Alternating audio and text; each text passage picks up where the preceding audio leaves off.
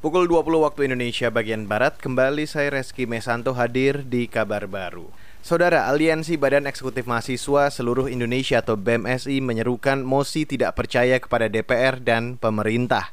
Sikap itu disampaikan BEM seluruh Indonesia karena pemerintah dan DPR mengesahkan rancangan Undang-Undang Cipta Kerja dalam sidang paripurna hari ini.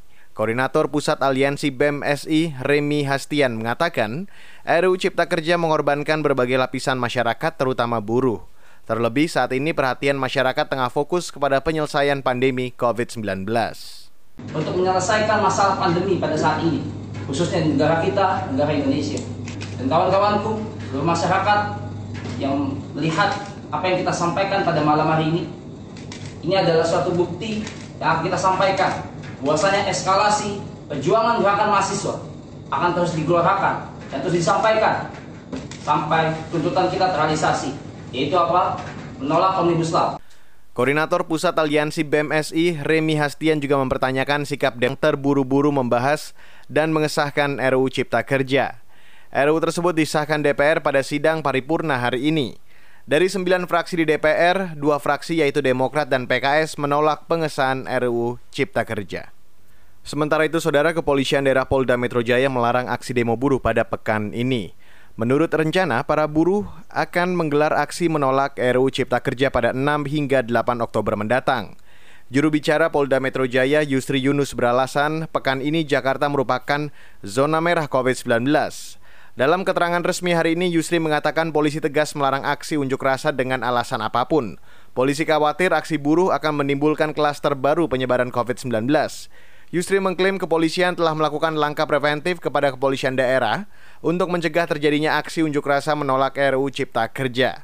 Polisi juga akan mengerahkan lebih dari 9.000 pasukan gabungan yang melibatkan TNI dan Satpol PP jika aksi tetap terjadi.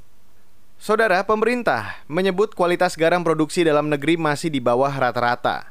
Menteri Koordinator Bidang Kemaritiman dan Investasi Luhut Binsar Panjaitan mengatakan, proses pengambilan air laut untuk produksi garam terutama di Jawa harus dilakukan di lokasi yang cukup jauh dari laut. Ini disebabkan pinggir pantainya sudah tercemar.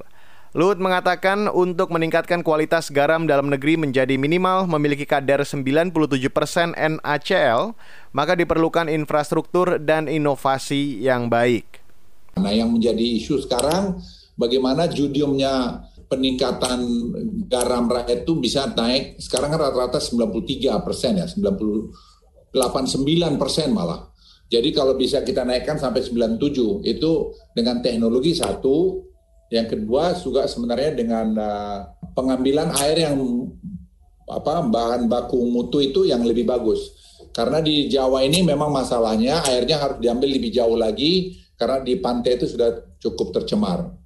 Menko Maritim dan Investasi Luhut Panjaitan menambahkan, Presiden Joko Widodo telah memerintahkan Kementerian PUPR membuat infrastruktur agar air laut dengan kualitas baik bisa tersalur ke tambak garam. Dengan kualitas yang lebih baik, maka ke depan kualitas garam dalam negeri bisa meningkat dan harga jual akan semakin tinggi. Demikian kabar baru KBR, saya Reski Mesanto.